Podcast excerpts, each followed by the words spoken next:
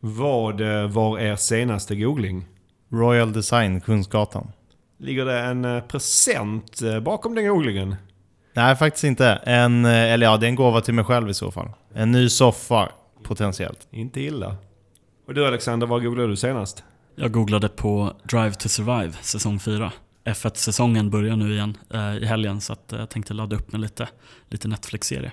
Mm, jag vet att det är många här på Pineberg som gillar just F1. Och själv googlade jag precis sökpodden, vilket kanske kan tyckas som lite märkligt. Men jag behövde dubbelkolla vilket avsnittsnummer det är eh, dags för nu. Du lyssnar på Sökpodden. En podcast för dig som gillar Google, SEO och SEM. Sökpodden görs av Pineberry. Varmt välkomna till avsnitt 81 av Sökpodden. Mitt namn är Mikael Wahlgren. Idag har jag nöjet att sitta här med Viktor Alenlid Halloj! och Alexander Bergström. Tjena tjena! Idag bjuder vi på följande tre ämnen. Vi pratar ökade klickpriser på Google Ads, eh, går vidare med digital PR och avslutar med ett snack om automatiskt tillämpade rekommendationer. Hur är läget med er idag? Jo men det är bara bra tack. Eh, Jag känner mig eh, hoppfull efter att jag tror man hittat en soffa här på lunchen. Apropå min googling som jag nämnde precis. Och hur är läget med dig Alexander? Men det är bra. Solen skiner, himlen är blå. Eh, svårt att klaga. Förresten, hur har det gått med de här Sökpodden-strumporna? Det är väl eh, bra tror jag. vi, konstaterade här innan, eller hur Alexander, att både du och eh, jag har dem på oss. Eh, så jag, jag använder i alla fall mina flitigt. Och vi har skickat ut löpande till alla som har beställt, så jag hoppas att ni gillar dem. Och det är faktiskt så att vår leverantör gjorde en miss och skickade oss ett par hundra fler strumpor än vi hade beställt. En ganska bra miss får man väl säga. Ja, eh, den missen tackar vi för. Och det gör också att det finns några eh, strumpor kvar. Så vill du ha ett par Sökpodden-strumpor, gratis då såklart, så då går du in på pineberry.com strumpor. Och med det, ja, då är det dags för dagens första ämne. Idag börjar vi att prata om de ökade eh, klickpriserna på Google Ads inte det här lite av en snackis just nu? Jo, det måste jag nog säga. Och För någon vecka sedan tror jag det var så fick jag både ett samtal från Breakit och eh, Svenska Dagbladet med några timmars eh, mellanrum. Och när de ringer så är det ju ett tydligt tecken på att det snackas klickpriser i lite större sammanhang än bara in i vår bransch. Ja, och jag läste den artikeln just i SvD och det var ett helt uppslag där om, om klickpriserna, vilket jag fann personligen intressant. Mm. Och SvD där hade ju intervjuat flera stora e-handlare och de gav en samstämmig bild om att de upplever då högre eh, klickpriser. Och det är väl samma sak vi ser på Pineberry egentligen, eller hur? Ja, det är det. I, eh, I den här artikeln så delar jag med mig av en sak som vi har undersökt där vi har jämfört då klickpriserna i Q4 2019 mot Q4 2021. Då. anledningen till att vi valde att jämföra just den perioden var att vi ville se före och efter pandemin. Och den datan vi har där är från eh, ett par hundratals svenska Google Ads-annonsörer, stora som små. Och det vi fick fram var då att CPC-nivåerna hade ökat med ungefär 25% mellan dessa två perioder. Det är en riktigt stor ökning. Det är det verkligen. Eh, Men det ska vara värt att säga att det skiljer sig mycket åt mellan annonsörerna också. Eh, Vissa har ju en stor ökning och vissa har kanske inte en förändring alls. Men det är såklart väldigt många som upplever den här ökningen och det väl, ligger väl till grunden egentligen till att SvD tog upp det här. Hur kommer det sig att priserna har ökat? En ganska komplex fråga att svara på och det finns ju såklart flera faktorer som ligger bakom ökningen. Och det är ju på något sätt detta som gör det lite intressant att eh, snacka om. Precis, svaret är inte så enkelt att de ökade priserna enbart beror på ökad konkurrens utan det är nog flertalet faktorer där. Men det är väl en faktor, eller hur? Ja, förstås. Och här spelar ju även pandemin en betydande roll. Eh, I början av pandemin, när osäkerheten var stor, eh, så såg vi snarare att CPC-priserna sjönk och annonsörerna bromsade in sin marknadsföring. Sen så insåg man väl kanske att det var, fanns en bättre tillgänglighet till att etablera sig på Google Ads. Och därav så har ju konkurrensen ökat på sikt. Eh, fler och fler handlar online vilket gör att intresset för Google Ads bland annonsörer ökar och i sin tur då driver upp klickpriserna.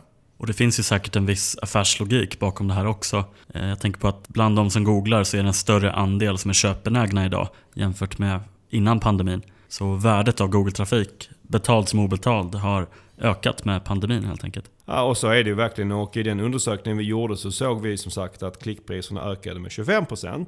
Men samtidigt har ju konverteringsgraden eh, för den här trafiken ökat ännu mer. Så då kan man väl säga att det kanske har blivit billigare att annonsera? Ja, alltså utifrån den datan vi ser så skulle man ju faktiskt nästan eh, kunna hävda det. Vi ser att eh, CPA-nivåerna har sjunkit trots de högre klickpriserna. Men det är som sagt det är en komplex bild att måla och det är kanske stretchade att säga att det har blivit billigare. Men man kan väl kanske gå så pass långt att säga att det inte är givet att det har blivit dyrare trots de ökade klickpriserna. Vad har vi för andra faktorer utöver pandemin?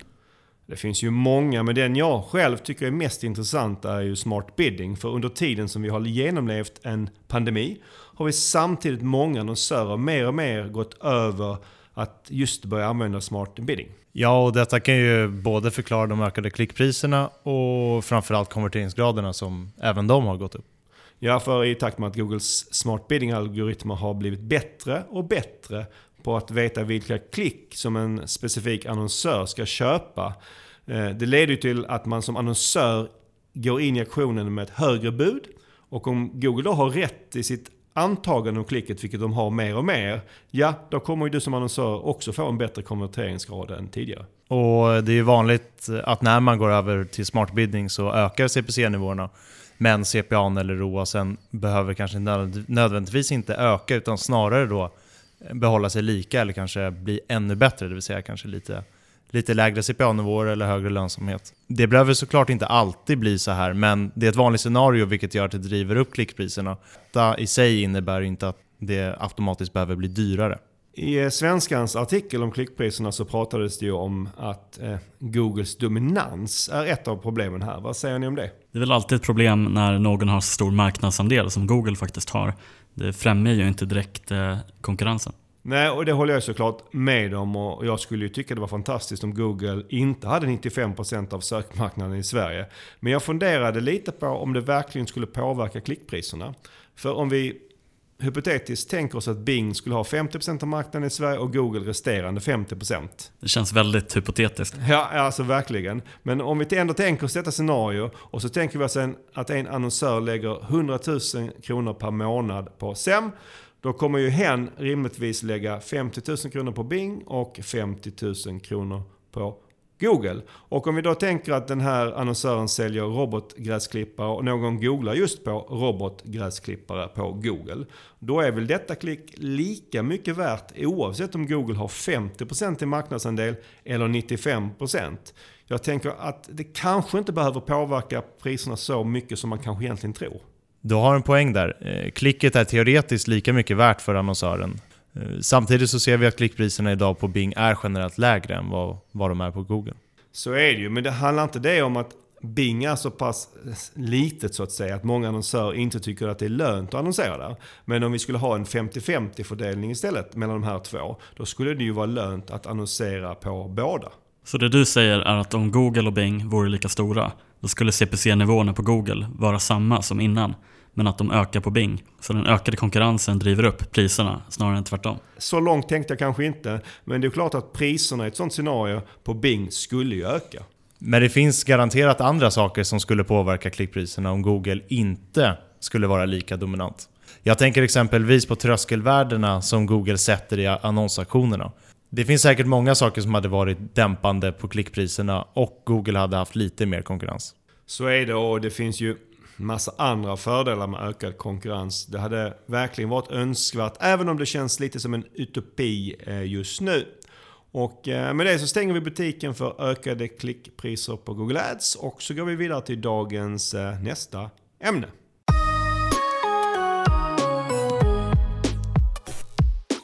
Nu ska vi prata om länkar och närmare bestämt digital PR. Det var du som ville prata om detta ämne Alexander, eller hur? Mm, precis. Jag gillar ju länkar precis som alla andra SEO gör.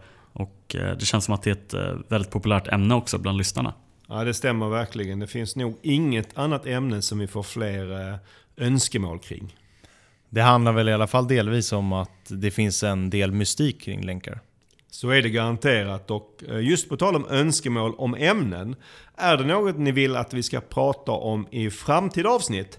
Då hör ni av er till sokpodden.pineberry.com och eh, berättar. Yes, gör det. Jag sa ju att ämnet är digital PR, men du säger ju hellre outreach, Alexander. Är det samma sak? Ja, det är ungefär samma sak kan man säga. Det är bara en personlig preferens som jag har att kalla det för outreach. Eh, för att det var vad man brukar kalla det för eh, när jag jobbade med det här i Storbritannien. Men eh, det är allt vanligare nu för tiden att man faktiskt kallar det för digital PR och pratar om det i de termerna. Mm. Och jag själv kanske kan föredra just digital PR då outreach för mig har blivit lite förknippat med de här ganska dåliga medieutskicken som görs och som många av oss nu har fått. Medan digital PR på något sätt ger en vink om att det krävs något mer än ett bara ett mail för att lyckas. Men det spelar ju egentligen ingen roll vad man eh, kallar det. Nej, för det handlar ju eh, om hur man på olika sätt kan påverka andra sajter så att eh, de väljer att länka till eh, just din sajt. Vad skulle du säga är de viktiga beståndsdelarna för att lyckas med digital PR? Jag har ju själv varit på SEO-konferenser där en outreach-expert pratat i en timme om hur man bäst skriver rubriken i ett outreach-mail. Är det det som är det viktigaste, det vill säga mailet? Nej, det skulle jag inte säga. Det viktigaste är länkbetet och eh, pitchen. Det vill säga anledningen som du har för att andra ska länka till dig. Att du har identifierat rätt målgrupp för pitchen är en annan sak som är väldigt viktig. Mailet spelar stor roll också eh, om du kör den typen av outreach. Men med en dålig pitch till fel målgrupp, då spelar mailet egentligen inte så stor roll. Jag kan väl tänka mig att det är just pitchen som är, som är det svåra. Och vad är en bra pitch? Det kan variera från sajt till sajt. Eh, men det handlar om att du skapar bra innehåll som är tillräckligt informativt, unikt, spännande kan vara roligt eller kanske uppseendeväckande. Men någonting måste till för att man ska tycka att det är värt att länka dit helt enkelt. Någon form av länkbete eh, måste man ha på plats. Måste det vara sådär kreativt och crazy? Det behöver inte vara det, det men eh, jag ser ofta att de case som eh, får flest länkar är kreativa av sig. Men de här nästan virala sakerna som man ser ibland, de är ju svåra att knäcka på löpande band. Har du någon favorit bland de lite mer kreativa pitcherna som du tycker är värd att nämna här? Det finns flera. För några år sedan så var det kontorstillverkaren Fellows som gjorde en ganska häftig grej. Eh, de är ett företag som säljer ergonomiska kontorsmöbler. Och eh, de anlitade en doktor som tog fram en bild över hur en persons kropp skulle kunna se ut efter 20 år med dålig hållning och dålig arbetsställning helt enkelt. Och den här bilden fick enorm spridning och resulterade i väldigt många länkar till eh, det här bolaget. Och detta exemplet med fällor som jag eh, mycket väl kommer ihåg, det flög ju nästan på egen hand. Det vill säga man behövde ju inte lägga så mycket tid där på att kontakta enskilda sajtägare. Länkarna kommer av sig själv. Men i de flesta fall när man jobbar med outreach är det väl lika viktigt att hitta rätt målgrupp som man ska nå ut till. Ja men absolut. Eh, I de flesta fall är målgruppen minst lika viktig som själva pitchen. Och här kan vi ta ett exempel från eh, vår egna verksamhet och oss själva. Eh, jag tror vi kan ha nämnt det tidigare i podden faktiskt. Det är ju så att vi, vi delar ut ett stipendium här på Pineberry för digital marknadsföring. Och där finns det en väldigt tydligt definierad målgrupp för att göra outreach mot. Nämligen universitet och högskolor. Och de vill ju informera eh, sina elever och studenter om vilka stipendier de kan söka. Och det är väl ett jättebra exempel på att pitchen inte behöver vara uppseendeväckande så länge du har ett relevant och informativt innehåll som matchar din tilltänkta målgrupp. Ja men verkligen. Om vi backar tillbaka lite till, till pitchen eller då länkbetet, för jag vet att många tycker att det kanske är det svåra. Eh, vad kan man utgå från för att hitta sin pitch? En bra start är att man kollar igenom sitt befintliga innehåll och andra resurser man redan har på sajten. För det kan ju finnas någonting där man kan använda sig av. Har man tur kanske man redan kan eh, ja, gå direkt över till pitchen om man, om man har bra länkbete. Och då slipper man ju uppfinna hjulet eh, igen. Men om man inte hittar någonting, då är ett tips att lägga ner mer tid på att kanske göra en sökordsanalys eller ta fram någonting från scratch eh, för att få fram ett bra länkbete och innehåll på sidan. Och då kan du enkelt använda dig av till exempel aktuella trender eller andra intressanta saker som händer inom din bransch så att du kan skapa en bra och aktuell pitch helt enkelt. Och sen kan du även göra outreach utan en särskilt avancerad pitch. Eh, det kan ju vara att du tipsar en sajt som eh, har en 404-sida inom ett visst ämne och sen pitchar din egna motsvarande variant av det här innehållet som ligger nere. Ja, det är ju ett bra exempel på en relativt enkel pitch. Det finns väl fler typer av sådär klassiska enkla pitcher, eller hur Alexander? Ja men det gör det. Eh, vi kan ta till exempel omnämnanden. Eh, det kan ju hända att man har omnämnts i media eh, i något sammanhang men kanske inte fått en länk den gången. Då kan man höra av sig till den som har intervjuat eller lagt upp eh, den artikeln och be dem att lägga upp en eh, referenslänk helt enkelt till, till den egna sajten. Sen har vi det här med bilder. Här kan man få ut jättemycket av outreach. Det kan vara att andra medier använder sig av dina bilder men utan att ge någon cred eller länk till dig för det. Så samma princip här, du kan eh, ta kontakt med de här sajterna och för att hitta dem så kan du använda dig av Googles eh, reverse image search det vill säga du laddar upp bilden i Googles bildsök för att hitta den.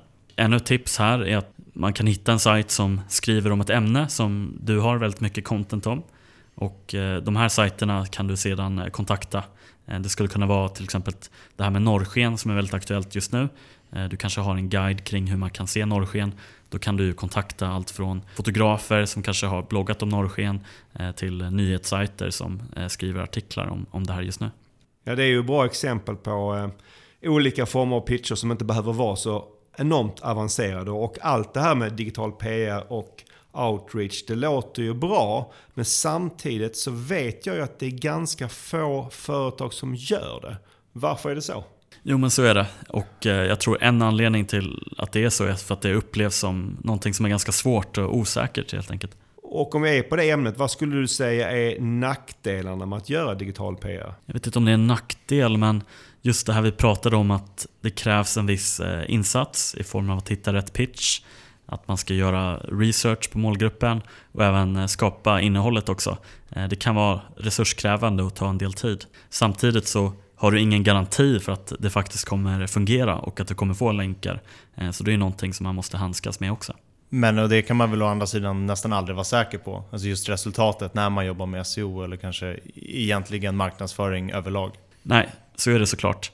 Men med outreach så är osäkerheten kanske lite större än vanligt. Både det här att det ger mindre resultat än tänkt. Man kanske inte får lika många länkar som man hade hoppats på. Men samtidigt också åt andra hållet, att man faktiskt lyckas långt över förväntan och får väldigt många länkar. Ja, det är väl helt enkelt lite högre risk-reward på denna typ av SEO-insats jämfört med att optimera ens, säg, Core Web Vitals. Ja, absolut. Och eh, det är ju en av anledningarna till varför det här är så kul och spännande att eh, göra och jobba med. Digital PR är ju mycket, i alla fall som jag upplever det, större utomlands. I USA, i eh, Storbritannien och så vidare än det är i Sverige. Och ibland hör man att det inte går att göra i Sverige på grund av att det finns för få sajter. Alltså målgruppen att göra outreach mot är för liten. Vad säger du om det?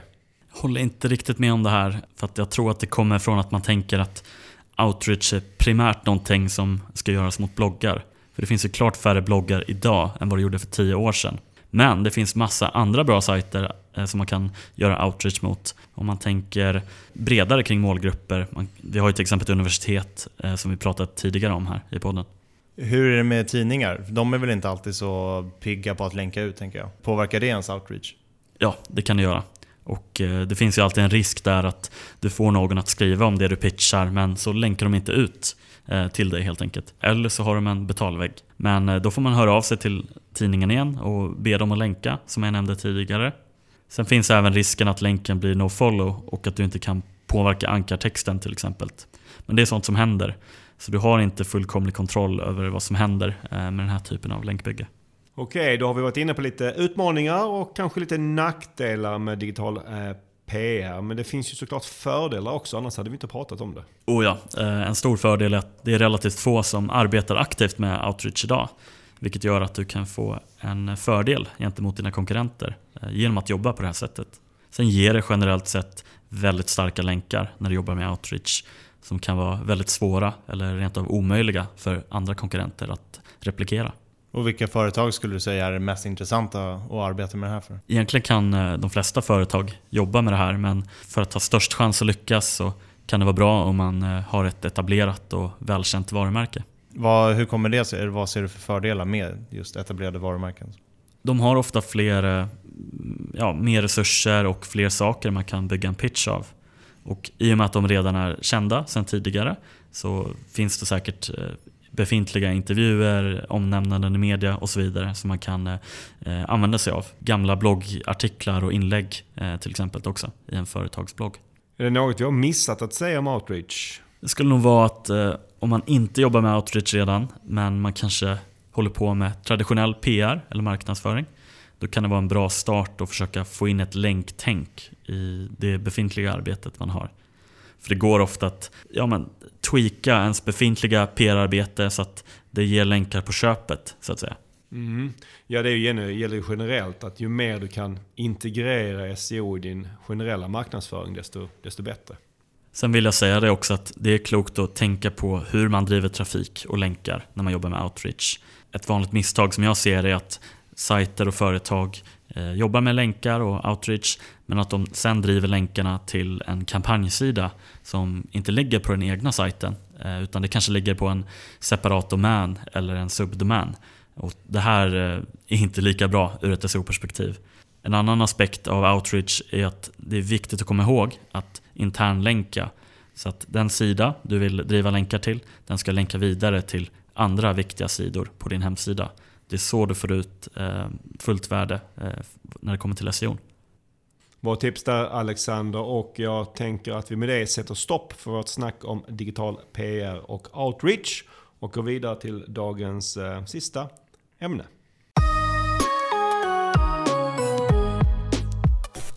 Idag avslutar vi med att prata om automatiskt tillämpade rekommendationer på Google Ads.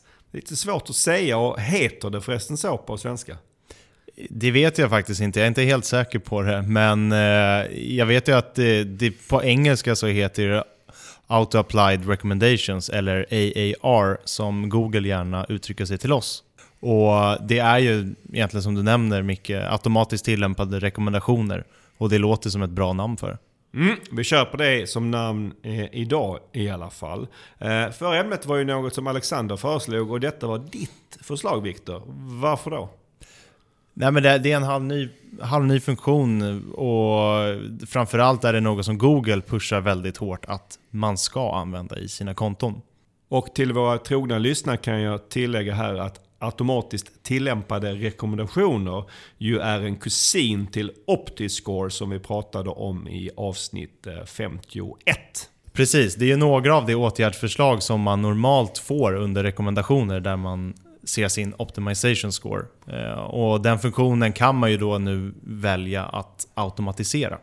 inte det lite läskigt att låta Google eh, styra och göra ändringar automatiskt? Jo, såklart. Så är det ju. Eh, men det beror också på vilka typer av ändringar som man egentligen eh, optar in för. Eh, och samtidigt så finns det några fördelar förstås med att göra delar av sitt Google Ads-konto automatiserat. Du nämnde där att Google pushar väldigt hårt just nu för det här.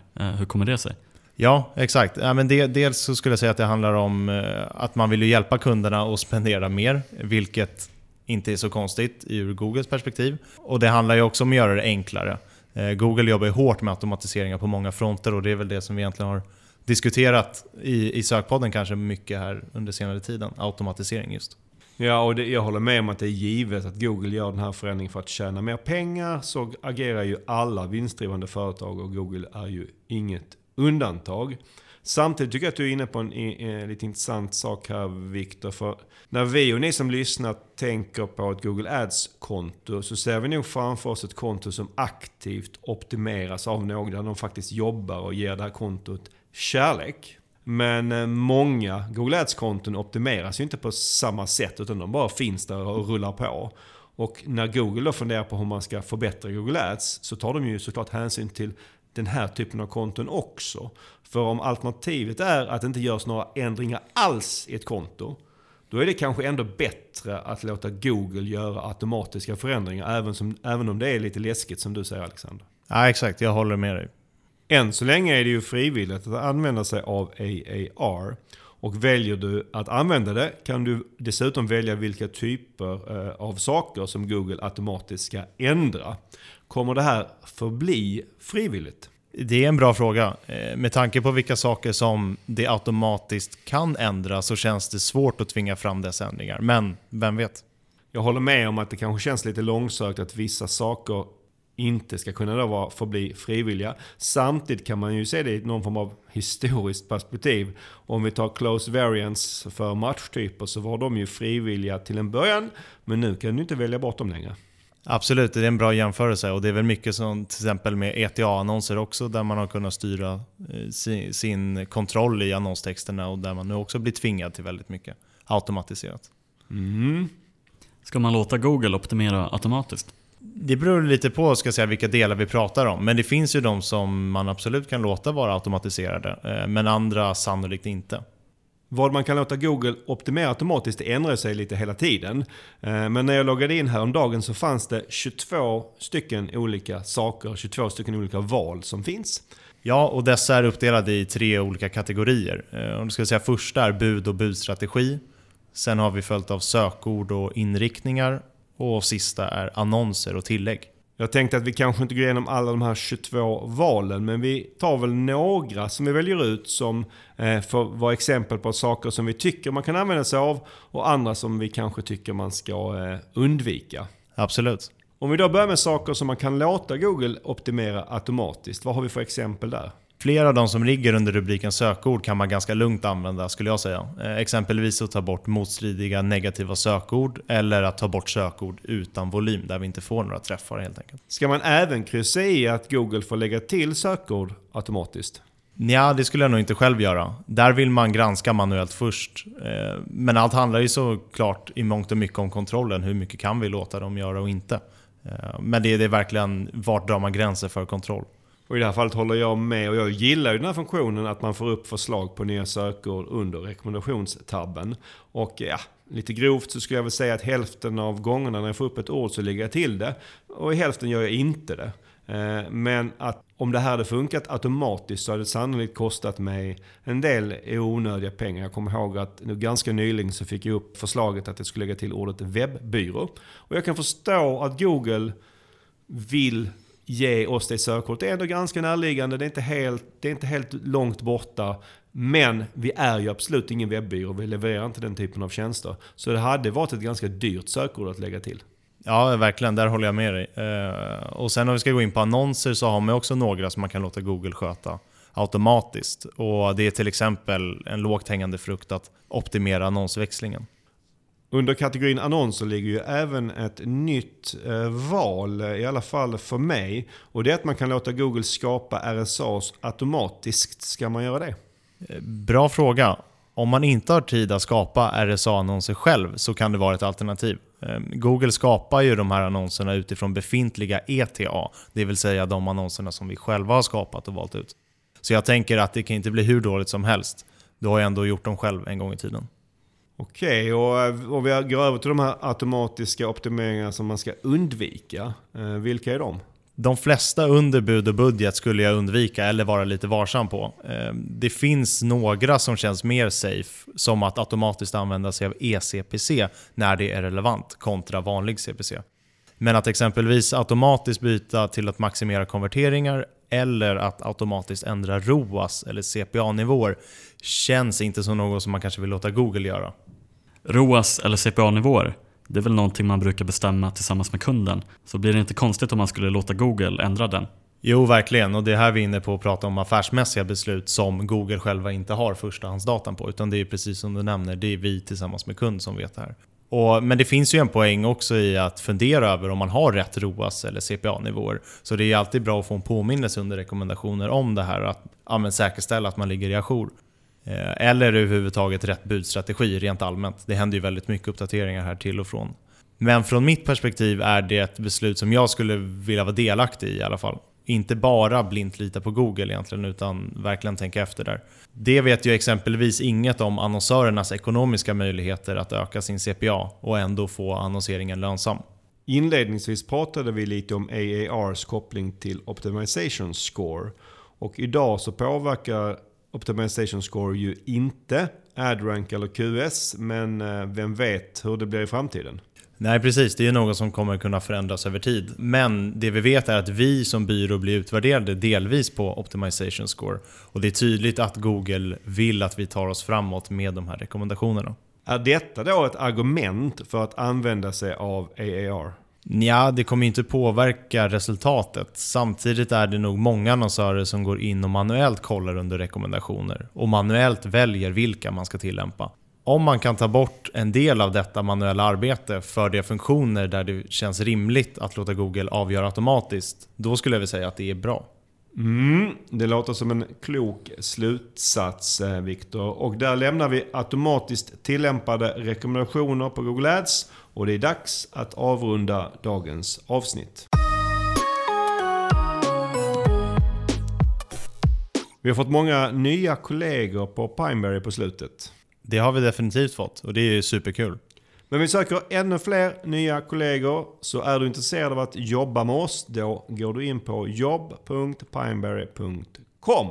Och eh, har du feedback eller synpunkter på dagens avsnitt, då hör du som vanligt av dig till sokpodden at pineberry.com. Ja, hör av dig. Det uppskattar vi. Tusen tack för att du har lyssnat idag. Ta hand om dig och dina nära tills vi hörs nästa gång. Tack för idag. Tack och hej!